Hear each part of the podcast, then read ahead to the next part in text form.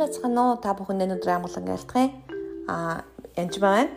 Аа, тэгэхээр өнөөдрийн ишлэл бол би 23 ишлэл уншиж өгье гэж бодсон юм. Эфес 5-ын 8-аас 15. Энэ тэдний хамсаатан байж болохгүй. Учир нь та нар урд нь харанхуйд байсан. Тэр бид нар урд нь харанхуйд байсан. Харин одоо та нар эзэн дотор гэрэл ажээ. Тэр бид бүр гэрэл байх нь гэрэлд явдаг биш бүр өөртөө гэрэл байх нь. Гэрлийн хүүхдүүчиг яв гэрлийн хүүхдүүчиг яв. Учир нь алив сайн зөвхт байдал ба үнэн дотор гэрлийн үржимс байна. Ингэхдээ эзэн таалагдах юмд суралц. Харанхуй үржимсгүй ажлуудад бүү оролц. Харин ч тэдгэрийг илчлэгтэн. Учир нь тэдний нууцаар үлдсэн зүйлсийг ярихад ч ичмээр юм. Харин бүх зүйлс гэрлэлээр ичлэгдэхдээ хагддаг. Тиймээс та нар мэрэгэн бос хүмүүс шиг биш харин мэрэгэн хүмүүсийн адилаар хэрхэн алхаж буйгаа хянаж байв. Еврей 4:13-ыг уншиж өгье. Түүний хараанаас нуугддаг нэгч бүтээл байхгүй. Харин түүний мэлмийн өмнө бүгд нүцгэн бөгөөд ил болоё. Түнд бид тайлгнадаг. Тэгэхээр энэ бүх идрэл чөлөөлт Есүс Христийн дотор ариун сүсээр удирдуулж Бурхан тайлгнан түнтэй хамт хийгддэг. Энэ бүх зүйл та ганцаараа хийдэг ч юм уу янжмаатай хийдэг зүйл ерөөсөө биш.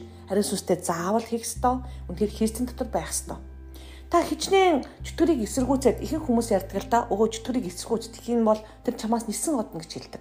Гэхдээ ишлийн ихний эсгийг юусоо хэлдэггүй. Яков 4:7. Тиймээс бурханд захирагдах тун. Бурханд захирагдах тун. Бурханд захирагдсны дараа деволыг эсэргүүц. Тэгвэл тэр та нараас зайлна.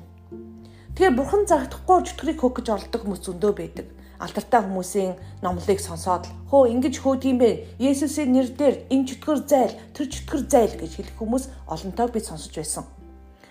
Би тэр хүмүүсийг харж байсан. Харамсалтай чөтгөр нь гарахгүй байгааг би бас хардаг. Мэддэг. Тухайн хүний дэс чөтгөр гарч байгаа гарахгүй би мэддэг. Илт.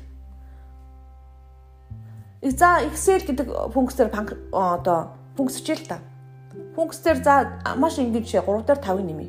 Хүмүүс 3 дээр 5-ыг нэмээд л хариуг нь гарах нь хүлээдэг. Тэнцүүгийн тэмдэг тавихгүй бол 8-ын тоо гарахгүй.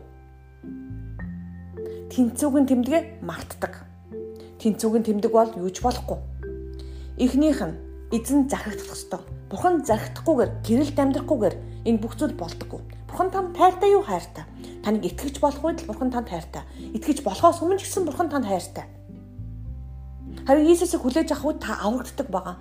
Харанхуй ертөнцийн эрх мэдлийн эсрэг зогсох хүч чадалтай болдог. Эрх мэдэл нь өгдөхөө өгддөг. Гэхдээ өөрөө бахан диволта, өөрөө харанхуйд амьдардаг, өөрөө галтаа зөгтөө итгэвч биш байх юм бол чөтгөр чамайг даа болно. Чи хин бэ?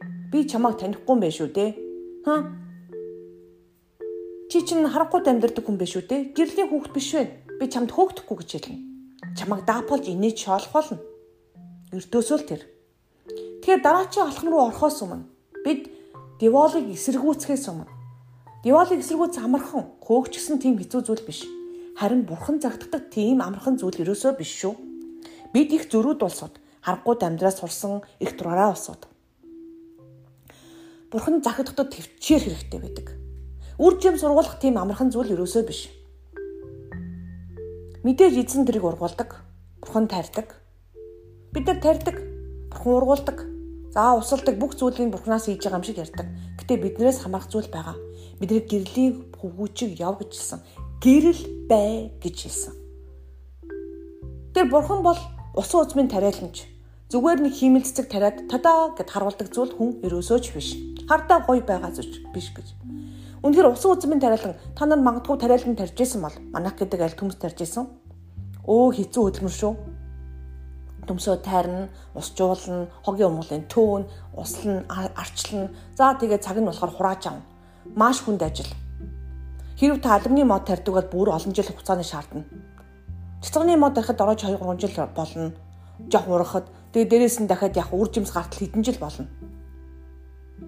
За ингээд хол юм уу, ойр ч юм уу тарьснаас болоод дээрээс нь хогийн ургамал гэж зөндөө хаалган асуудлууд байгаа. Тэр бурхан бол тариаланчдыг юусоо мартаж болохгүй Бурхны хаанчлал бол яг тариаланч. Юм зүгээр хурдан поп гэл яг одоо ид шижиг болдог зүйл биш. Магадгүй идэвхтэй төлөө залбирал тийм байж болох уу болно. Гэхдээ гэрлийн хөвгүүчиг явдаг. Явхад хугацаа ордог. Тийм учраас та унаж боссон болол өө магадгүй та одоо харанхуйд байж болно. Эсвэл гэрэлд явж байсаа бүдэрсэн байж болно. Бурхан төвчээртэй танаад таныг босгох чадвартай. Тийм учраас буцаагаад л гэрэлд гарах хэрэгтэй бүгд битээс наазав. Жишээл бид нар програм бичгээд сурахад би надад маш олон хугацаа орж исэн. Маш олон тэмдэг дээр алддаг, таслал, тэмдэг, функцээ буруу бичгэд хүртэл алдаа гардаг. Тэгээд нэг алдахаараа л нөгөө програмыг ажилуулахгүй ярих гэж юусоо байхгүй. Хэд хэд ажилуулж иж тэрийг бичиж сурдаг. Тийм болохоор та битээс наазав.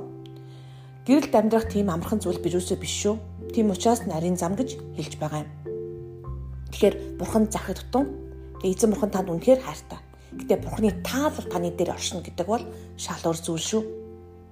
Та мэдэх болно. Эхлээд Бурхан захирдтун. Баярлалаа.